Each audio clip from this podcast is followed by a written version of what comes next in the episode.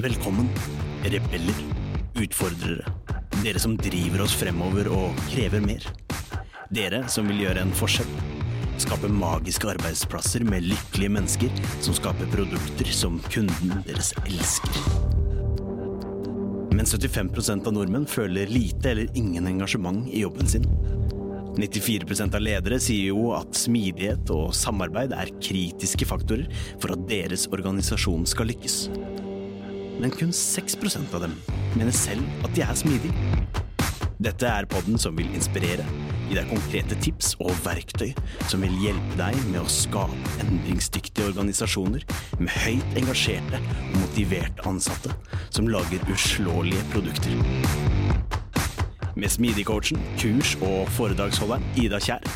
Ved sin side har hun kurs- og foredragsholderen, smidigtransformatøren og topplederen Tobias Falkberger. Sammen har de over 20 års erfaring med å jobbe i og lede smidige team og organisasjoner. Nå kjører vi! Hei og velkommen til en ny episode av Smidigpodden. Nå er vi på episode nummer 32. Så tiden flyr, og eh, det er veldig spennende tider for Smidigpoddens historie. Det er det. Vi nærmer oss eh, to år. Yes, to år. Åh, vi burde hatt sånn toårsfest. Ja, men nå blir det ikke noe fest. Nei. Nei, digital fest kan man ha. Digital fest kan man ha. Ja. Ja. Så hvis dere har lyst til å kjøpe en liten eh, bursdagsgave til Smidigpodden og dere selv, så er vårt kurs live. Det er det. Ja. Og det har vært live en bitte liten stund, men så langt så er det veldig mye gode tilbakemeldinger. Det er så gøy. Så det er veldig kult. Og, eh, så vi setter veldig pris på alle dere som har tatt kurset. Mm. Så det er veldig kult. Og det som også syns er veldig ekstra kult, er jo at det er jo andre fra andre deler av verden som også har snubla over og tatt kurset vårt. Og det er jo kanskje ekstra morsomt. Ikke noen forkleinelse for noen, men Nei. det er jo liksom at, at vi når ut til verden, er jo positivt. Til alle verdens hjørner. Ja. Det er kjempemoro. Så det damp ned en mail her nettopp før vi skulle begynne å spille inn, med en av studentene våre som hadde noen oppfølgingsspørsmål, så det er, det er, det er gøy. Det er skikkelig moro. Så det må vi eh, klinke av gårde. Ja. bra svar. Det skal vi gjøre. Og så var det jo i forbindelse med forrige episode, så slapp vi kurset. Det gjorde vi. Og med det så hadde vi en liten sånn eh, tilbudslenke mm. med en sånn kupongkode. Ja. Men den har jo gått ut på, på, på tid, og da kunne man jo tenke seg at de som ikke, som ikke vet, de ikke vet. De som ikke var med, var ikke med. Men sånn er ikke vi. Nei. Utan vi, vi lager en ny kode, vi, og gir bort, sier jeg faktisk, ja, det er nesten det, er nesten til, det. til 95% av, til en liten hundrings, to kopper kaffe. Eh, er alt du trenger å eh, ikke kjøpe. Ja. Så kan du kjøpe kurset. Da kan du kjøpe kurset, så kan du tenke at uh, i stedet for litt uh, kaffepåfyll, så får du litt smidig påfyll. Det tenker jeg er uh, vel så bra, og Ja. kanskje ikke bedre. Og da er det jo, hvis dere tar den kursen for den lille prisen, så hadde vi satt pris På reviews. Det var veldig mye pris, men ja. Vi har satt pris på reviews. Så en liten tilbakemelding. Har vært helt Eh, det, toppers. det har vært helt toppers. Og når vi er på sånn feedback og reviews, og sånne type ting, så er det som vanlig så setter vi veldig pris på at dere legger oss til på LinkedIn, følger oss på Instagram, følger oss på LinkedIn, sender episoder og linker og sånne ting til styrer og ordner. Det er veldig gøy. Alt som skjer. Ni deler det vi deler, og liker det vi liker. Og, ja. Det er kjempekoselig. Kjempekoselig. Så Ja. fortsett med det. Ja, om dere har noen Dere tror noen tema dere tror kunne vært bra for podden, eller noen dere syns kunne vært bra fortsett å sende inn. Fortsett Ja. sende inn. Gjør Det det. er kjempebra. Og i dag så er det ikke bare vi som sitter her og ranter, utan vi har jo faktisk en gjest òg. Vi har faktisk det. Vi skulle hatt to gjester. Mm. Men eh, en av de, som er Aslak, som er administrerende direktør, eller daglig leder, i Capri Consulting, eh, kunne dessverre ikke komme. Men vi har Ørjan, som også jobber i Capri Consulting. Yes. Og hva er det vi skal prate om i dag, Ida? Nei, med Ørjan eh, så skal de, Altså, Capra har eh, reorganisert seg, omorganisert seg. Omorganisering det har jo kanskje litt sånn typisk kanskje litt sånn negativ fortegn. Ja. Men ja, det har de ikke her. Um, de har omorganisert seg. De har ikke De har liksom eh, si, Jeg skulle si kvitta seg med ledergruppa, men det blir litt sånn De har dårlig ord, kanskje. organisert bort den. Og de har organisert bort ledergruppen. Ja. Uh, de har nå selvorganiserende team Som eneste struktur. som eneste struktur. Uh, de har latt seg inspirere av Team Topologies. Og Spotify. og Spotify. Og, så det er kjempespennende å høre litt mer rundt hva de har tenkt, hvordan det går. Eh, ja. Ja, hvordan de rett og slett liksom, skal si, aligner på godt norsk. ja. Shabba. Så det skal vi høre mer om. Det er kjempegøy. Så vi, dette her startet jo med at du sendte meg en uh, liten artikkel, Tobias, på, fra digi.no. Uh, og da tror jeg det er Aslak som kommer med dette her, eller quote. Og da sier han at uh, det er galskap og masse fallgruver. Kanskje blir vi også idiotforklart, men vi tror dette er fremtiden. Og vi liker jo litt sånt. Vi liker jo at folk tar litt sjanser, prøver og feiler, rister litt i sekken. Helt Det er klart. gøy. Så det her er ja, veldig spennende. Men jeg tenker vi kanskje ikke skal fortelle hele historien. Utan det hadde vært dumt om vi fortalte den når vi har Ørjan på besøk. Det er noe, for Han forteller den megabra. Ja. Så med det så tenker jeg vi slipper inn Ørjan som står og banker i kulissene. Det gjør vi. Yes, da kjører vi. Unnskyld at jeg forstyrrer deg midt i denne superspennende episoden, men jeg må bare fortelle deg noe. Forresten, det er meg, Arvid, fra introen. Er du en som ønsker å utfordre, drive oss fremover og kreve mer? Gjøre en forskjell og skape magiske arbeidsplasser? Men du bare vet ikke helt hvordan. Da har jeg noe som kan hjelpe deg. Tobias og Ida har laget et kurs. Kurset gir deg forståelsen og den smidige tilnærmingen du trenger for å tenke nytt om de organisatoriske byggeklossene, strategi, mennesker, prosess, struktur og teknologi. Lenke til kurset finner du i episodebeskrivelsen. Velkommen Ørjan, til Smidigpodden. Kjempehyggelig at du har lyst til å, at du kunne ta turen. Takk for at jeg kom. Vi kan vel begynne med å si at vi eh, måtte endre litt på planene her i dag. Vi hadde jo egentlig planlagt at Aslak, som er eh, administrerende i Capra, skulle være med oss i dag òg.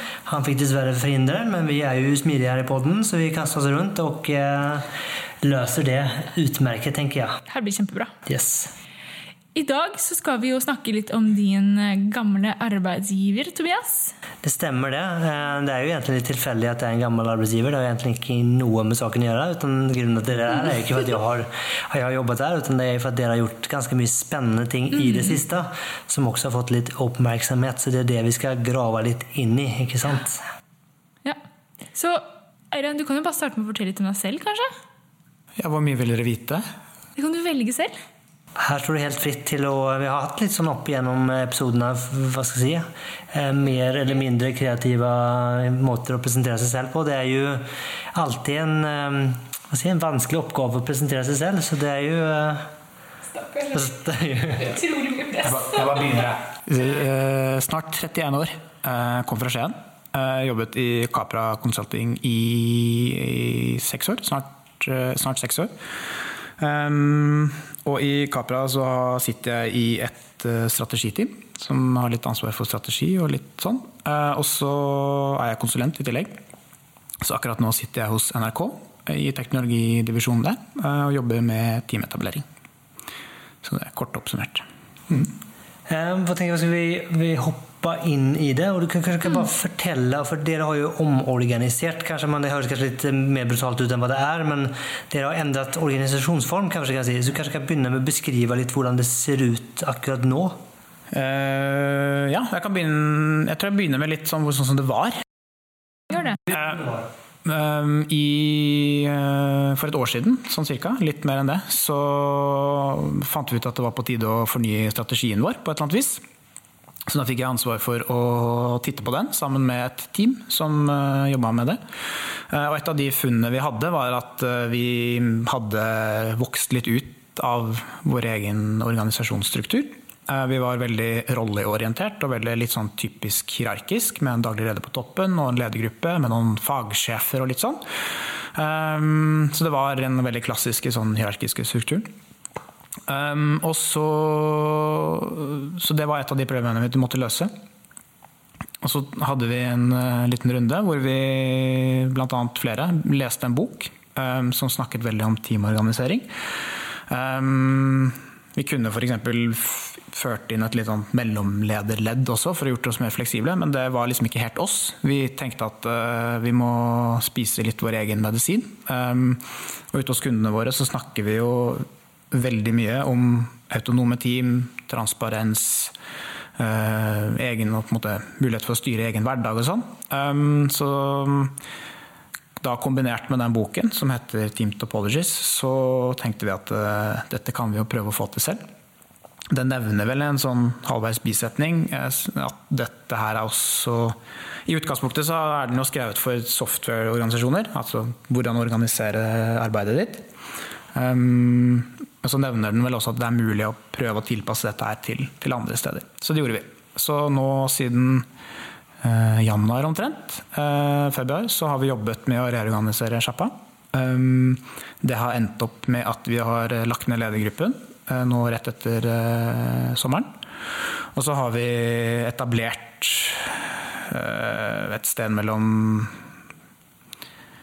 9 og 15 team et sted, eh, som overtar i praksis alt det som ledergruppen og andre, andre grupperinger og roller har gjort. Da. Så vi har gått over fra en, en prosess- og rolleorientert organisasjon til en teamorganisert organisasjon, hvor teamet er den måte, minste måte, leveranseenheten. Mm. Og det er kanskje for å, det er kanskje ikke alle som kjenner Capra Consulting så godt. Mm. Den ligger kanskje litt i navnet for så vidt, hva dere driver med. Men du kanskje kunne ta en liten sånn eh, som, hvordan, Hva er det dere gjør? Og, liksom, for å også bare få litt sånn kontekst på og litt ja. sånn cirka hva, hva, som Mange sitter ute hos kunder kanskje, og så mm. noen er vel kanskje mer eh, eh inhouse eller driver med andre ting. Da. Vi er 110-ish eh, eh, nå. Um, så vi leverer jo konsulenttjenester. Eh, vi leverer konsulenter på frontend, Javascript, backend, Java, Kotlin. Applikasjonsarkitekter og infrastrukturarkitekter, i tillegg til en liten gjeng på team- og prosjektledere som vi leverer også. Så vi er et sånt klassisk konsulenthus. Um, så det er det. Vet ikke om det svarte på spørsmålet ditt, kanskje? Jo, ja. sånn. Ja. Så er det vel sikkert noen ting som er mer internt sentralisert, skal jeg tro? At det er noen som kanskje ikke er konsulenter i tillegg? Ja, De aller fleste er jo ute i oppdrag eh, fra dag til dag. Eh, og så har vi jo selvfølgelig eh, folk på, på kontoret sentralt som, som, driver med rekruttering på fulltid og marked på fulltid og, og bitte litt her, og salg, selvfølgelig. I tillegg til å ha litt daglig leder og litt økonomifolk. Ehm, så det er noen sentrale greier på kontoret. Og så har vi i tillegg da, som jeg glemte å nevne vi har også en type tjeneste som heter Lifli, som er sånn skreddersøm as a service-type eh, greie. Hvor vi har folk på kontoret og leverer eh, software til andre selskaper internt på huset. Um, så det er en god blanding mellom folk som har eh, internt ansvar og oppgaver, og så er det masse folk ute i oppdrag hos skudder. Mm. Mm. Spennende. Um, kanskje kunne ta oss litt sånn igjennom, for du nå var vi inne på liksom, hva dere trengte å gjøre, og vi har også vært litt inne på var, hvordan det end, hvor dere enda opp, men kanskje litt, litt mer om prosessen og, og hvordan har, liksom, hvordan har jobba med det her. Og, og, jeg vet at dere har også gjort en del over tid for at det her kanskje skulle være mulig òg, så det kunne vært spennende å touche innom det òg. Ja, det har vært en ganske lang reise. Um, vi snakket jo litt før vi begynte innspillingen. og da, Det er jo ikke sånn at vi bestemte oss i januar for å gjøre dette her helt på en måte scratch. Vi har jo um, Dette har kanskje vært en liten endring som vi har sett komme litt over tid. Um, så vi har jo, tror jeg, noen gode egenskaper ved, ved, oss selv som gjør at vi er i stand til å reorganisere oss på den måten som vi har gjort. Um, vi er jo vi er relativt transparente. Det er jo omtrent ingenting som er skjult for noen ansatte. Det eneste vi har er omtrent lønn. Eh, så all informasjon er åpen. Det er ingenting hemmelig på, på styrerommene og ingenting hemmelig i korridorene som omtrent blir bestemt. Um, I tillegg så er vi ekstremt litt opptatt av titler og roller. Vi er veldig opptatt av å finne gode løsninger og, um, og den biten der. Så det gjør at vi var kanskje ganske godt rigga til dette her. Um, I tillegg så er vi veldig opptatt av å gi unge fremadstormende mennesker ansvar og, og, mulighet til å påvirke. og det, det, var vel kanskje også noe av det som gjorde at vi, vi så på den prosess- og hierarkisk orienterte organisasjonen vi hadde, og så at det var ikke helt sånn rom og plass for å gjøre eh, akkurat de tingene. Gi folk ansvar. Um, så da, det var kanskje litt av grunnen til at vi gjorde det. Vi ville ha flere som kunne være med å påvirke og drive selskapet. Um, og føle et eierskap til det. Um, I tillegg til det så, så, tror vi at vi blir mer robuste. Med tanke på at vi gjør oss mindre avhengig av enkeltroller og enkeltpersoner med ansvar og mandater. Vi tror det er bedre å ha et lite team som driver et front-end-miljø, fremfor én fagsjef som alle går og venter på.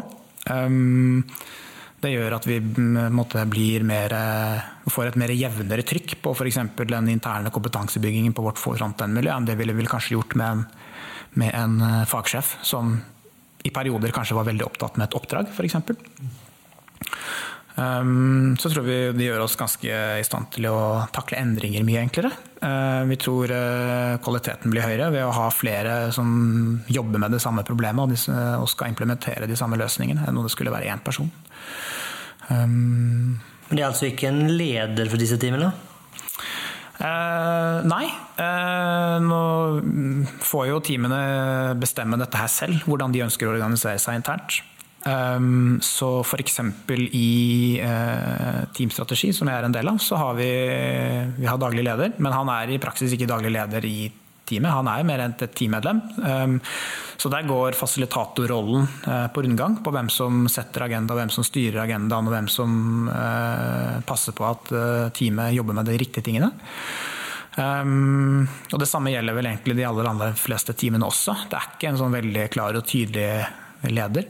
Det har noen fordeler og ulemper, helt åpenbart. Um, men foreløpig så ser det ut som det fungerer, i hvert fall fra mitt perspektiv. Tar jeg selvfølgelig feil, jeg har ikke alle detaljene, men det er jo litt av poenget med den organiseringen også, at det skal ikke være likt for alt.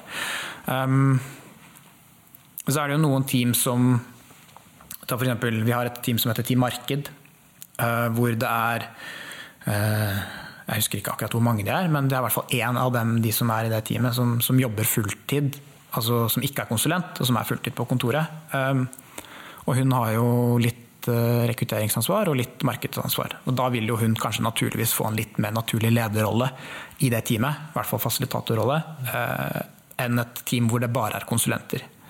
Um, men i utgangspunktet så er det ikke noen sånn struktur for hvordan et team skal se ut. Vi er bare veldig opptatt av at det er transparens, transparens der. At, at det er lett å komme i kontakt med dem, det er lett å forstå hva de holder på med. Det er lett å forstå hva slags målsetninger de har, det er lett å forstå hvem de er, eh, og hvordan du skal komme i kontakt med dem. Det er på en måte litt av kjernen. Eh, og så får de styre seg selv på, på sånn målsetninger. Ja, for de målene de har, de har de satt selv? Ja.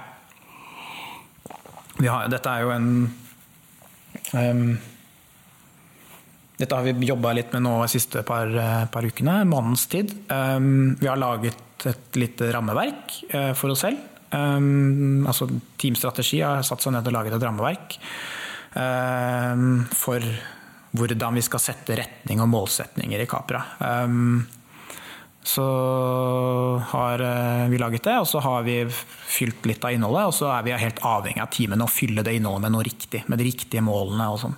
Så Der baserer vi oss litt på det eh, Objectives and Key Results-rammeverket, hvor vi prøver å gjøre det litt til vår egen greie. Um, men dette er jo kjempevanskelig å få det til å flyte godt, og at uh, vi får på en måte alle i samme retning. Um, men litt av greia her også er jo at vi må slippe opp litt kontrollen. Vi tror jo også det er det øker hastigheten sant? Mm. og øker eierskapet.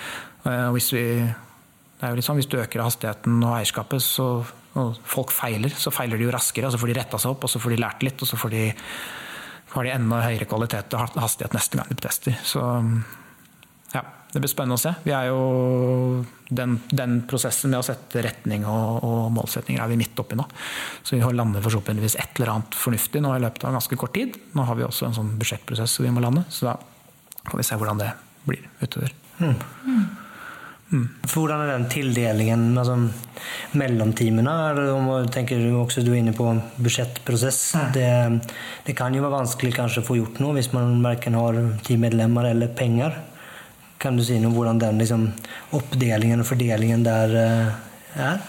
Tenker du på liksom budsjettprosessen nå? Eller ja, eller sånn å si at uh, ditt team har lyst til å mm. Nå er det jo klart begrenset hva man kan gjøre om dagen, men, men uh, si at vi ikke hadde de begrensningene. At man har uh, mener at man trenger å bruke penger på et eller annet for å få til noe. Hvordan, hvordan er, det, er, det, bare å bruke penger, eller hvordan fungerer det? Du... Alle teamene får jo tildelt en, en, budsjettpost som de styrer helt selv. Um, Jeg kan ta, liksom, ta, et steg tilbake. Det, det vi har um, uh, vi, har noen, vi har laget oss en liten modell hvor vi har team på Hvis man ser for seg en sånn venstreside av en tegning, så har man rekruttere og employer branding på venstresiden. Det er om å skaffe kollegaer. Så I midten så har vi bygge kompetanse og bygge selskap, og på andre siden så har vi selge og levere tjenester.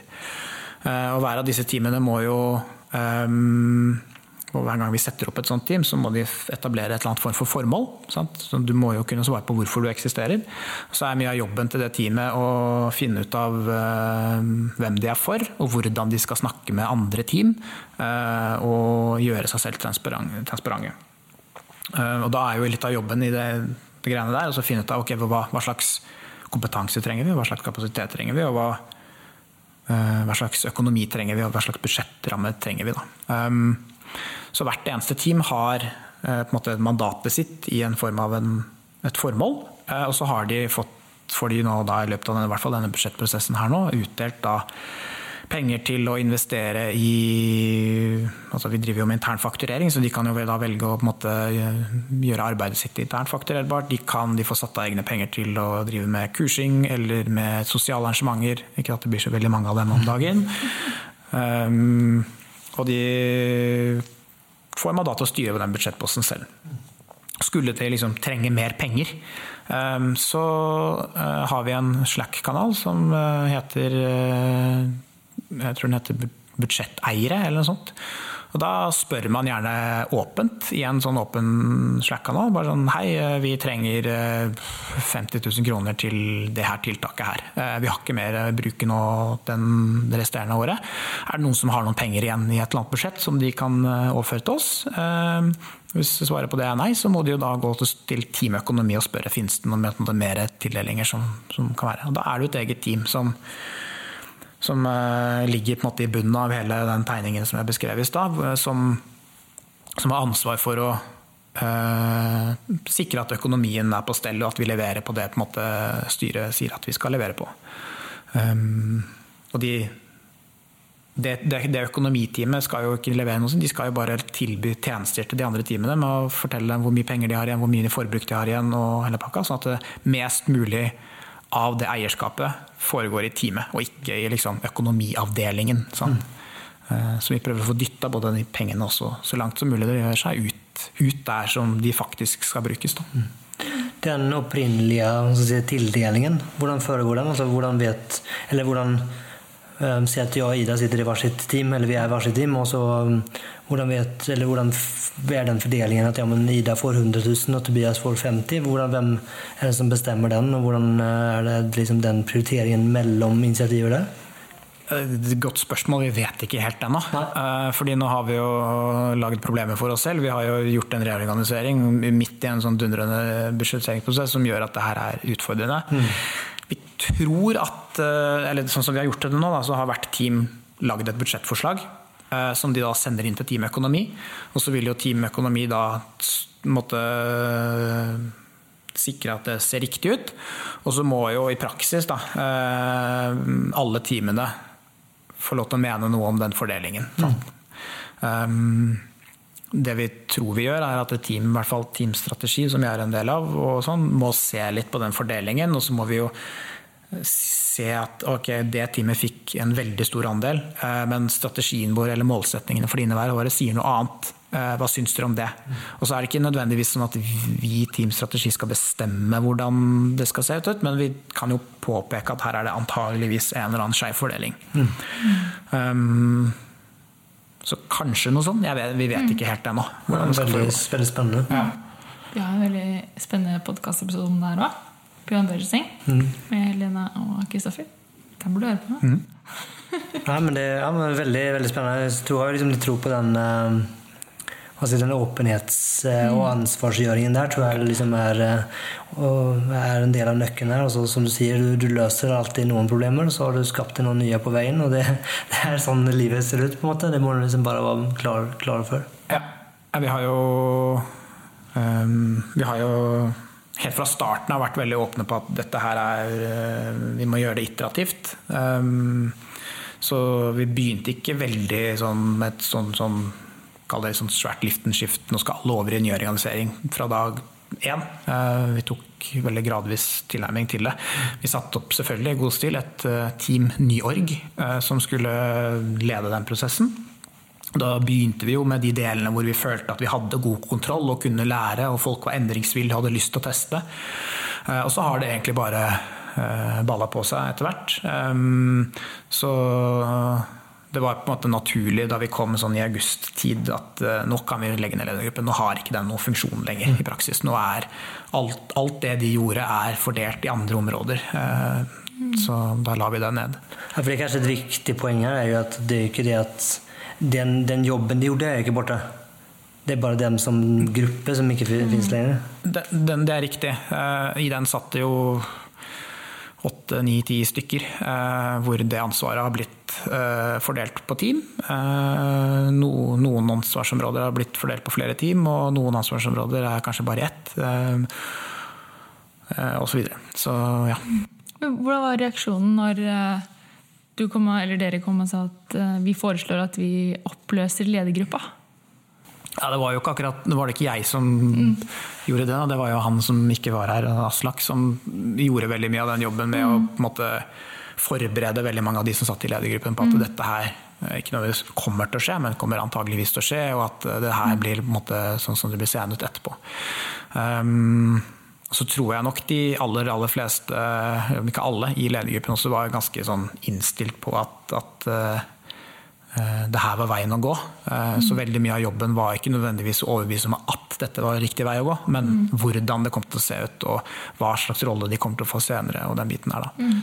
Um, For de er kanskje naturlig inn i de timene som de primært jobbet med ca. det samme før det her skjedde òg? Ja, mer eller mindre. Um, det, det, det, er det, ja. Um, men de har jo på en måte uh, De har jo mistet sin kalle formalmakt, da, på et vis. Mm. Eh, og overlatt den i mye større grad til teamet eh, og teamene, som de kanskje er en del av, eller ikke er en del av, for den saks skyld.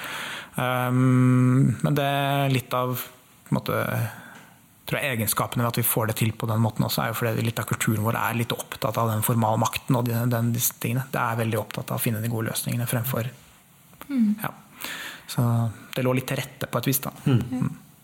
Hvis, man, hvis jeg er ansatt i Capra, um, og så har jeg lyst til å bli med i et av disse teamene, mm. hvordan gjør jeg det? Eller blir jeg bare med, da? Eller hvordan funker det? Sånn som vi har satt de opp, da. Um, disse teamene, så uh, Eksempelvis så hadde vi jo en fagsjef frontend som da har ansvar for å eh, bygge fagkompetanse på alle frontend-utviklerne i selskapet vårt, og mene noe om hvilke oppdrag vi skal besøke etter, og mene noe om hvilke eh, folk vi skal rekruttere. Um, han var jo veldig innstilt på å gjøre denne endringen. Han satt jo også i Team New York. Um, så det vi gjorde da, var jo uh, Da skrev han en utlysning. Um, liksom, nå skal vi sette opp et Team Frontend. Uh, blir kanskje det navnet, hvem vet. Uh, og så skrev han jeg søker etter mennesker som har lyst til å være med å påvirke og ta, måte, ta over den rollen. Og så var det folk som uh, søkte, og så tok vi med alle de menneskene tror jeg, mer eller mindre, inn på, et, på noen workshoper hvor vi begynte å etablere liksom, formål og verdistrøm og hvem er de for, og kanskje litt målsetninger og sånn. Um, og så etter hvert som det på en måte formaliserte seg litt hvordan det teamet skulle se ut, så falt folk litt sånn naturlig. For man tenkte sånn nei, det her var ikke helt for meg, eller dette er alt perfekt for meg. Og så har det da blitt en gruppe på jeg husker ikke, sju-åtte stykker, something, um, som nå har i mer eller mindre grad overtatt den den rollen til han som er frontend-fagsjef. Mm. Uh, og det gikk jo mye fortere enn det han trodde, så han uh, slapp jo egentlig bare litt av rattet og satt og så på, mens teamet feis av gårde. Så det var kjempegøy. Um, så tilbake til spørsmålet ditt, da, liksom, hvordan blir du medlem nå? det må jo være litt av hvert Teams og team å finne ut av. Mm. Men det har jeg ikke noe godt svar, egentlig. Vet ikke. Um, jeg antar at eh, hvis du har noe å bidra med og er f.eks. en del av frontend-miljøet og har lyst til å liksom være med i gjengen, så er det vel antageligvis bare å sende en melding på frontend Slack-kanalen, som åpenbart er åpen, og spørre kan jeg være med. Eh, og så blir du invitert. Um, jeg har jo vært en del på noen frontend-møter allerede for å liksom snakke litt om dette målstyringsrammeverket og litt sånn forskjellig. Så det er ganske åpent. Eh, lett å, lett å få lov til å bidra og være med og sånn. Spennende. Men nå når vi er litt inne på ansatte, hva, tenker, eh, hva tenker folk om eh, endringen? Um, vi bruker et verktøy som heter Office Vibe, som måler litt uh, Det måler bl.a. ENPS, sånn et, nei, Net Promoter Score, Employee Net Promoter Score, og en del andre sånne, jeg tror det er åtte forskjellige andre faktorer som samles opp i en eller annen sånn score. Så kan du bryte den litt ned i enkelte deler. Um, så den har, det har vært ganske stabilt, egentlig. Uh, både, altså, nå har det jo samtidig som vi har reorganisert, så har det jo vært koronafest eh, også.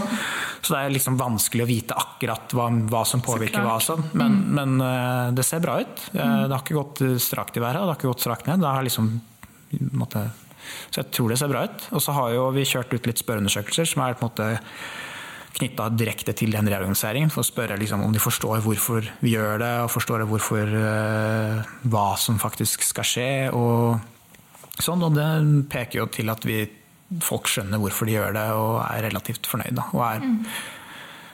tilsynelatende mer fornøyd med den organiseringen enn den rollebaserte hierarkiske biten. Ja. Mm. Altså folk har vært positive? Ja. Så bra. Og det er kanskje liksom viktige poeng her er at dere har jo altså dere har ikke gjort det lett for dere selv å omorganisere i, når folk sitter på hjemmekontor og, og det er pandemi. Liksom. Mm. Så det har jo så imponerende at det liksom i, det er jo kanskje en ekstra dimensjon oppi der som jeg, liksom, jeg syns er imponerende. For det er, jo ikke, det er jo helt klart sånn at det er lettere å prate med folk og få med seg folk og forklare folk når man er sammen. Mm. Og det er kanskje noe man typisk hadde um, ehm, samla seg på en type samling og vært sammen og jobbet i workshops over noen dager og kommet ut sterkt og samlet etterpå, som ikke er mulig da. da. Ja, vi har jo hatt noen workshoper på det, åpenbart. Eh, men samtidig også så tror jeg jo en sånn type prosess ikke det, Jeg tror ikke det lar seg løse ordentlig godt på, en, på fire workshoper heller. Det er jo en sånn modenhetsgreie, eh, og du må gjennomføre noen møter og forstå å, du må vise frem liksom, dette har vi tenkt, og få feedback på det, og jobbe videre med det. Og, og la det modnes. Um, så, så tror jeg vi var Vi er jo på en måte IT-konsulenter, så vi er jo litt rigga for å kunne ta imot en sånn endring, altså en koronafestendring på et eller annet vis. Da, fordi vi er, kan bruke de verktøyene som finnes og er tilgjengelige der ute. og sånn. Så, um, ja. Det er vanskelig å si hvor, om det var negativt eller kanskje til og med positivt at det var korona og vi kunne reorganisere samme slengen. Vet ikke. Nei. det får vi aldri vite. Ja, aldri vite. Jeg, men sånn, jo mer og mer jeg tenker på det, så tror jeg nesten det er bedre. For jeg tror, jeg tror um, fordi vi har trent så mye på å ha sånne remote-møter og hvordan man skal liksom jobbe på den måten, så, så, tror jeg også det har gjort at istedenfor at vi har dratt inn på kontoret etter å ha vært hos kunden og snakket om disse tingene, så har vi kunnet gjort det tidlig på morgenen, midt på dagen, rett, altså klokken tre, og, vært, og gjort det litt mer friksjonsfritt mm. sånn reisemessig mm. enn vi ville kanskje ha gjort det hvis vi hadde måttet komme altså den tradisjonelle dra inn på kontoret etter jobb for å jobbe videre med reorganisering etter at du har vært hos kunden i åtte timer, sant? eller seks timer, eller whatever. Um, så kanskje, kanskje, det til og med har vært fordelaktig, jeg vet ikke. På noen vis. Mm. Ja, vi har sett uh, en refleksjon fra, fra, jobben min er at det faktisk um, litt som du er inne på der, at, uh, og at det er liksom, en endring er ikke så kanskje oppleves som mindre dramatisk, for den er ikke fysisk. Altså at du plutselig bare du ringer opp et annet meet-møte. Det er ikke det at du faktisk har fysisk flytta noe sted. Mm. For ditt kontor er jo på soverommet fortsatt. Det har jo ikke liksom bytta nå. Ja. Det er bare at det tilfeldigvis sitter noe andre, det er noen andre mennesker du prater med på en skjerm. Ja. Så det som på, noen der så tenker jeg kanskje at liksom det blir at, det så, at, endringen ikke er fysisk, så er den kanskje liksom litt mindre dramatisk. Ja, det er godt mulig.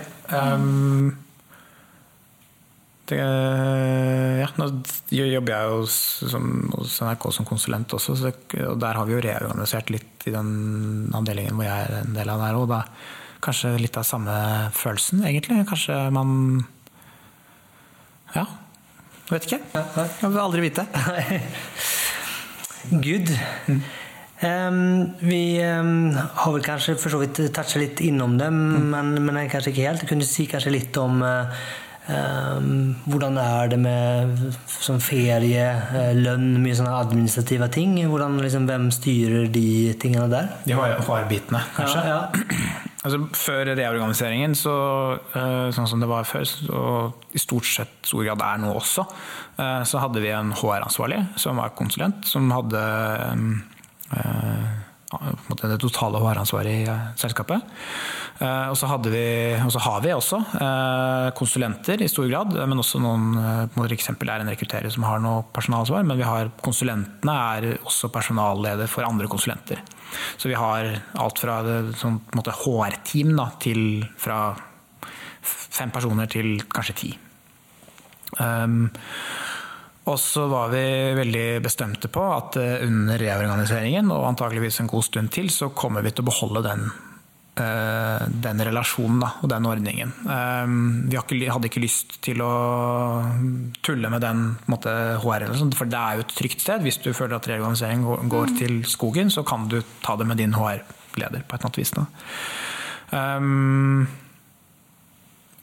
nå har vi jo vi har beholdt den, og det er jo fortsatt et sånt formalansvar hos den HR-ansvarlige rollen. Men den oppgaven med å liksom Eh, styre lønnsprosessen som kommer nå, eh, f.eks., den er jo i mye større grad overlatt til et team, da, istedenfor én person som må styre dette med hans teamledere. Nå har han et team rundt seg i mye større grad som, kan hjelpe han med akkurat det biten her. Da.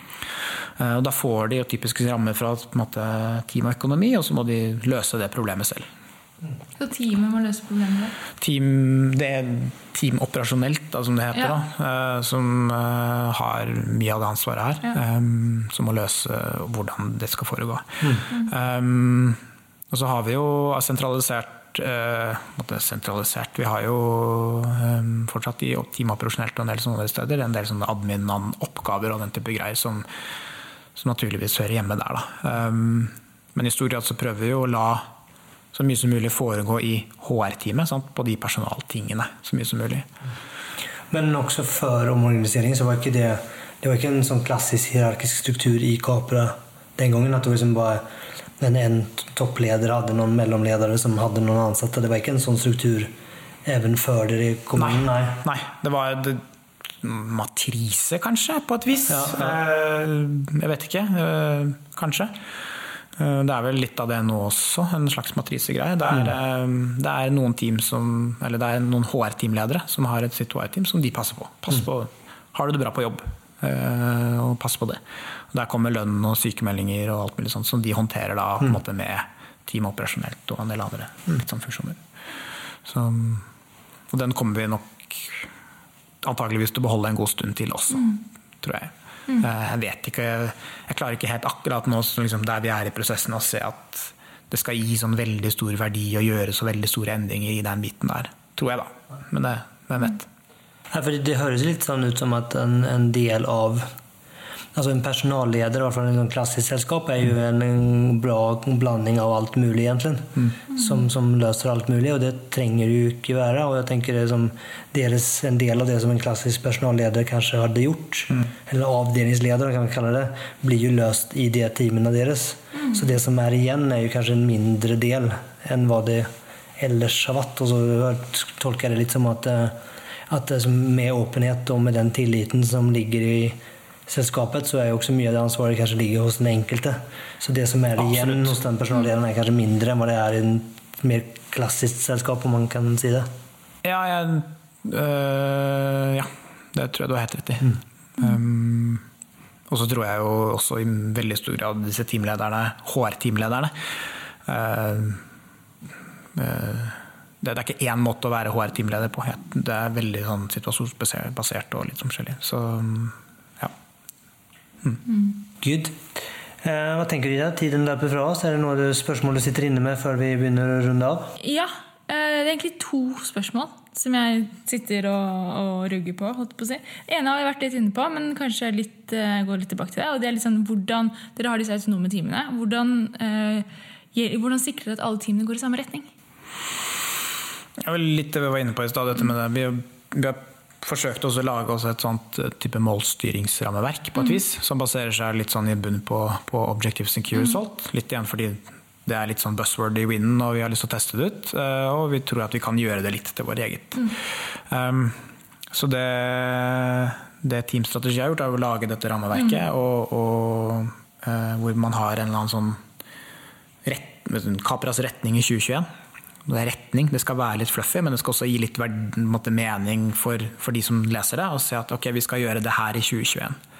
Um, og det her er hvorfor vi skal gjøre det. Og så skal jo da, veldig, så håper vi i veldig stor grad disse teamene skal se på den retningen og kanskje de målene som gjelder for et halvt år av gangen eller for et kvartal av gangen. og så peke, se på de, ja. ok, Hva betyr det for oss?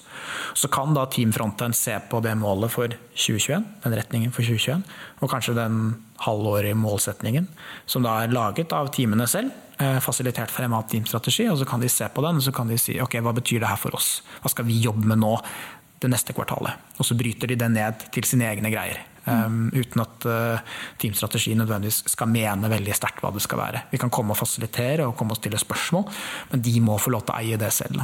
Mm. Um, og Hvis ikke det funker, og hvis ikke Team Frontend og Team Strategi blir enige, så må vi jo si fra til daglig leder. Det er omtrent det eneste sånn eskaleringsmekanismen vi har. Da. da må han komme og megle på et eller annet vis. Men da skal det jo gå fryktelig langt um, før det skjer. Uh, men der, der er vi også litt sånn vi er litt tilbake til budsjettprosess og litt sånn mm. forskjellig. Eh, så vi måtte løse litt det der problemet med at okay, mm. men hva, hvordan skal teamene vite hva de skal prioritere og ikke med tanke på mm. Budsjett. Måtte vi få på noen halvveis eh, retningslinjer for det. Eh, noen sånne retninger, Sånn at de i hvert fall har noen idé om hva de skal, hva de skal søke om penger på og ikke. Mm. Um, men det er igjen kjempevanskelig å, å, å lage en modell, et rammeverk Eh, som alle kan enes om. Både selve modellen, men også innholdet. Det er kjempevanskelig å få det til å flyte. og vi um, kløner sikkert ganske mye med å finne akkurat form og farge, og noen team legger seg på et helt annet nivå sånn målstyringsmessig enn andre. Sant? Så det er om å gjøre å prøve å treffe. Men, så det blir spennende. Veldig. Ja, for vi snakker mye om det, Tobias, at i smidige organisasjoner så er det enda viktigere kanskje enn i tradisjonelle organisasjoner å ha en felles visjon mm. og, og, mål. Da. Sånn at når man har et noe med team, så er det lettere for dem å ta de riktige valgene. Mm. Jeg, tror jo, jeg håper jo vi har bygd en sånn kultur også, hvis, hvis, det er et team som ser på den retningen, eller et sånt, og så ser de liksom, enten så tenker de hva i alle dager er det de holder på med, uh, disse andre folka som setter retning. Uh, vi går over vår egen vei, og så har de antageligvis gode grunner til det, og det skal de jo for all del lov til å holde på med. Uh, og så lenge de ikke går i beina på noen andre, så må de jo åpenbart få lov til å prøve det og teste det og, og gå i den retningen. Um, og så håper jeg jo andre veien at hvis de ser på en eller annen, det er et eller annet team som ser en eller annen målsetting, og så lurer på hva de holder på med, så, så skriker de høyt. og så setter de det på dagsorden for hele selskapet at det her må vi skru på. Ehm, det håper jeg, og det er jo på en måte en sånn tror jeg er en grunnleggende greie for å få det her til å funke også. Vi, eh, det kan ikke være det kan ikke være daglig leder eller meg som, som, som, setter stempel på en retning og sier ja, den skal vi gå i hele 2021. Det vil være helt meningsløst når vi har ansatt mye flinke folk som kan mene noe om dette her. Mm. Så må vi lytte. I hvert fall når folk er rykende uenig, eh, så, det, så, er det jo antageligvis altså det, det, vil jo alltid være en annen verdi i bare det signalet, at folk er uenige i noe. Mm. Så kan man jo vurdere å kan jo resten av sjappa vurdere å velge om de har, velger å lytte eller ikke. Men det er jo noe, alltid en verdi at noen er misfornøyde eller har lyst til å gjøre en endring i noe. Mm. Og det er vel kanskje en viktig, eller en veldig bra refleksjon. for at uh, mye av det som dere har gjort, eller det som vi prater om i poden her, eh, gjør man jo for man veldig tro på at det gir en større verdi. Men jo, man gjør jo ikke det for at det er lett. Det er liksom ganske tungt å ha folk som er uenige med en, eller mener ting, eller får ta egne valg og får lov å feile. Alt, mye av det her er jo ganske tøft, ganske tungt. Liksom. Det, det er jo ikke lett. Uh, ja, nei, Nå snakket jo Aslak dagleder og jeg litt om det sånn etter at vi hadde presentert dette rammeverket litt. Da, og kanskje litt sånn utkast til hvilket innhold også skulle være mm. dette målstyringsrammeverket. Og vi fikk jo, syns vi selv, altfor alt lite motstand. Mm. Um, så det kan jo enten bety at vi var kjempeflinke til å forklare hvordan dette skulle være, eller så har jo folk bare Eller så har de tenkt, så har folk misforstått det. Eller så har folk tenkt sånn samme det, vel. Vi finner vår egen vei. Uh, og så forhåpentligvis så løser det seg likevel. Så jeg håper, men jeg håper jo egentlig på et eller annet tidspunkt litt sånn senere at vi får litt motstand, og at vi får en ganske god At det blir litt temperatur, og vi får noen gode diskusjoner rundt mm. måte, målsetninger og prioriteringer. og måte, mm. I hvert fall prioritering med penger og sånn. Jeg mm. håper at vi får noen sånne At folk tør sant? Mm. og føler at de uh, det, det, her kan de påvirke. Mm. Det er ikke bare noe som noen dresskledde herremenn på et møterom bestemte seg for i, på høsten 2020 at sånn skal det være. Mm. Det er rom for å påvirke. Men min oppfatning er at når folk får det litt inn i huden, og blir litt bedre kjent med det, forstår litt mer hva det faktisk betyr, har hatt mulighet til å sette seg inn i det, da får du kanskje de gode spørsmålene og den Ja. gode diskusjonen. Men folk trenger ofte litt tid da, til å liksom ta det inn over seg, og så er det det handler om å kanskje respektere det òg. Som dere åpenbart gjør. Ja, vi må jo la det gå litt tid og se om det funker. Um, og så tenker jo jeg sånn altså, hvor, hvor gærent kan det gå? Sant? Vi har jo allerede en eller annen idé om hvor vi skal, og det er jo Det handler på en måte bare om å få dytta de litt mer i en eller annen retning, eh, de timene. eh, I samme retning. Eh, Så kommer det til å flyte fort som fy, tenker jeg. Kjempebra. Du har et spørsmål til dere? Ja, det var jo egentlig bare Vi har toucha på det gjennom hele podden, egentlig.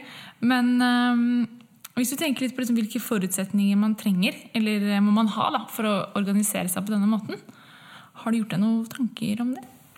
Um, jeg tror eh, mye av det handler om at vi er opptatt av gode løsninger. Ehm, og at uh, vi har måte, den rette kulturen på et eller annet vis.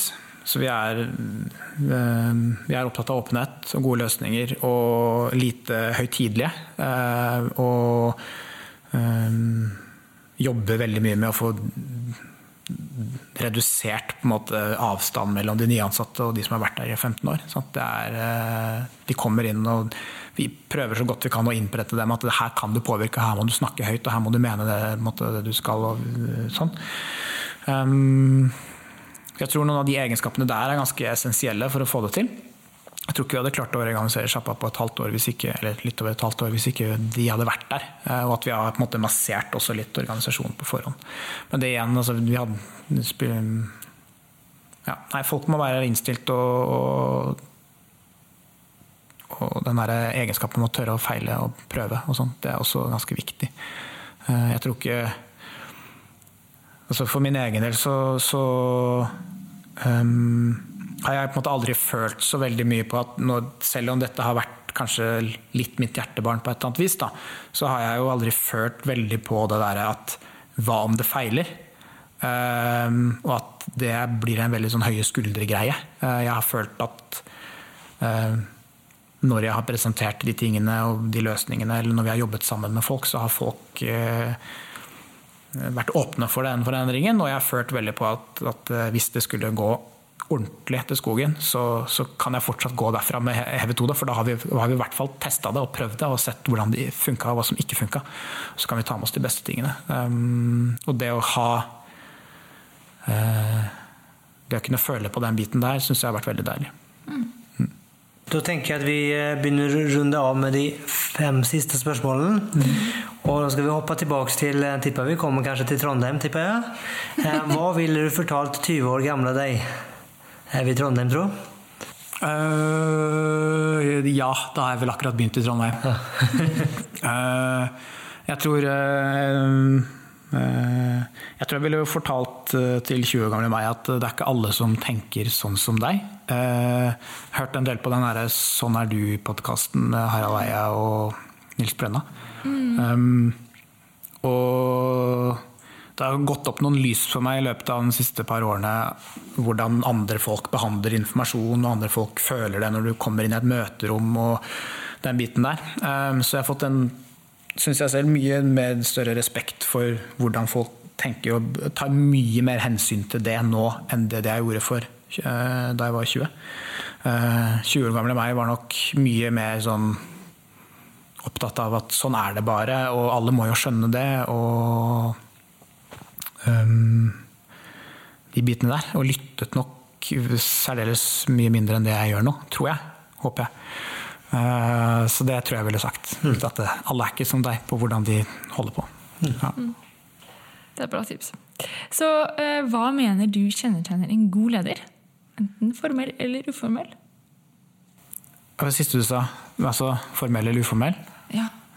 Um, altså, eh, vi har en kanal i, på Slack som eh, heter sånn eh, fagkompetanseheving eller noe sånt. Der var det en som heter Stein Otto som la ut en artikkel fra jeg husker ikke om det var Medium eller Harvard Business Review. eller noe sånt, og han, Der lista de opp fem punkter som traff meg ganske kraftig, så jeg stjeler bare rått og brutalt derfra. egentlig. Um, og det handler om å, å oppføre deg etisk og empatisk. Jeg tror det er viktig. Spesielt sånn um, Det var i hvert fall noe som var viktig for det, det var noe ikke 20 år gamle meg kanskje ville gjort. Dette med, med at i hvert fall empatien tror jeg hadde, den ville jeg kanskje liksom sett litt bort ifra. Ville tenkt at den var litt i veien, men nå, nå, verdsetter jeg den ganske mye høyere. Eh, og så tror jeg det handler om at eh, du som leder også har et visst ansvar for å vite hvordan du organiserer deg selv, og har en, en idé om hva du skal gjøre og den biten der. Du kan ikke bare Hvis lederen er full av kaos og aldri vet hva som er prioriteringer og ikke, så tror jeg det er tungt. Eh, Og så tror jeg det er viktig å kommunisere godt. Være tydelig i kommuniseringen og vite hvor du skal. eh, Snakke godt med folk. Um, og så kanskje en ting som er ekstremt viktig, i bare, ikke bare for meg, men også for Kapra generelt, det er å være åpen for endring. Og begynne, begynne ja og så, istedenfor nei, men. Det hjelper veldig. Og så tror jeg den siste, eller den siste punktet som sto i den artikkelen, som jeg også syns er helt topp, det er det med å forplikte seg selv til å lære andre og hjelpe andre videre. Det tror jeg er viktig. Um, det blir jo veldig sånn servant leadership-aktig greie, men det er vel visst det som er moderne om dagen, så da tenker jeg det passer fint. Kjempebra. Eh, Vi har jo egentlig pratet veldig mye om det i, i episoden i dag, men eh, vi liksom skal prøve å liksom sette liksom, være litt sånn spiss. Hvis man ønsker å etablere en mer smidig kultur eller en endringsdyktig selskap, hva, hva, hva gjør man? Hva starter man med? Eh, Jeg begynte jo, sa det jo litt eh, på en stund tilbake, dette med å begynne smått. Um, og så er det jo en fare med å begynne smått også. Du, du kan jo få den der motargumentet. Ja, men det fungerte der, for de er så åpne, og de, de, men det vil ikke fungere her. Sant? Men jeg tror det handler litt om å skape de suksesshistoriene og begynne smått å lære. eh, Og ikke planlegge så himla mye up front. Eh, Bare være åpen og ærlig om hvorfor vi gjør endringen og hvilke effekter vi ønsker å oppnå. Eh, Og så kan du planlegge stegvis. Vi har jo laget, vi lagde på en måte lagde, jeg syns ikke vi lagde så veldig mye materiale da vi begynte med reorganiseringen. Vi, jeg tror vi holdt oss på et ganske sånn edruelig nivå. Vi lagde ikke liksom powerpoint-slide, 40 stykker av dem, og tegna masse greier, lagde masse dokumentasjon. Det var sånn stegvis greie. Um, og det, det syns jeg har hjulpet veldig. Så den begynne smått tror jeg er viktig. Supert. Har du noen bøker eller podkaster du var innom eh, Sånn er du, som du ønsker å anbefale? Eh, Jeg kan begynne med bøker, da. For det er, det er det åpenbart den Team Topology-boken som, eh, som jeg syns veldig godt om. eh, Som vi baserer, i hvert fall har brukt som et sånt rammeverk. Vi har ikke implementert alt, men vi har gjort, tatt noe av det. Og så må jeg anbefale denne Accelerate-boka, som handler om å hvorfor man skal levere raskt og hele den pakka der i softwareorganisasjoner. Den eh, bruker jeg. Og så um, vet jeg Vi er veldig glad i sånn Five Dysfunctions of a Team. er også en ganske fin bok som eh, vi prøver å implementere. Um, og så syns jeg veldig godt om uh, eh, Radical Focus. Det er en bok om OKRs. Veldig, sånn, veldig fin og lett bok om hvordan implementere og få OKRs til å sitte i organisasjonen. Ikke bare den overordnede rammeverket, men på en måte, hvordan får du operasjonalisert det på et vis. Så skal vi begynne der, kanskje? Kjempebra. Eh, Og vi, jeg tror vel alle disse her finnes som lydbøker òg. Hvis man ikke føler at man har tid til å lese, så kan man jo høre på det. Vi var vel litt inne på at Team Topologies er kanskje ikke den beste som lydbok, men de andre i hvert fall Flere av de andre har jeg i hvert fall hørt på som lydbok, så det vet jeg fungerer som lydbok. Jeg kan bare skrive inn på at Team Topologies fungerer ikke spesielt bra som lydbok. Det tror jeg du er ganske avhengig av å se litt bilder og bli litt sånn. Mm. Ja. Good. Hvis man har lyst til å eh, høre mer av deg eller vite mer om hva dere driver med, og eh, om man vil komme i kontakt med deg, hvordan gjør man det? Da kan du sikkert legge meg til på LinkedIn, eller sånn. Ja, Og så kan du sikkert sende en SMS eller ringe. Mm. Det funker. good. Strålende. Strålende. Da tenker jeg at vi eh, sier takk for at du har lyst til å komme en eh, regnig høstdag. Takk. Takk Tusen for at jeg fikk komme. Yes. Så ha det bra, da. Ha det bra!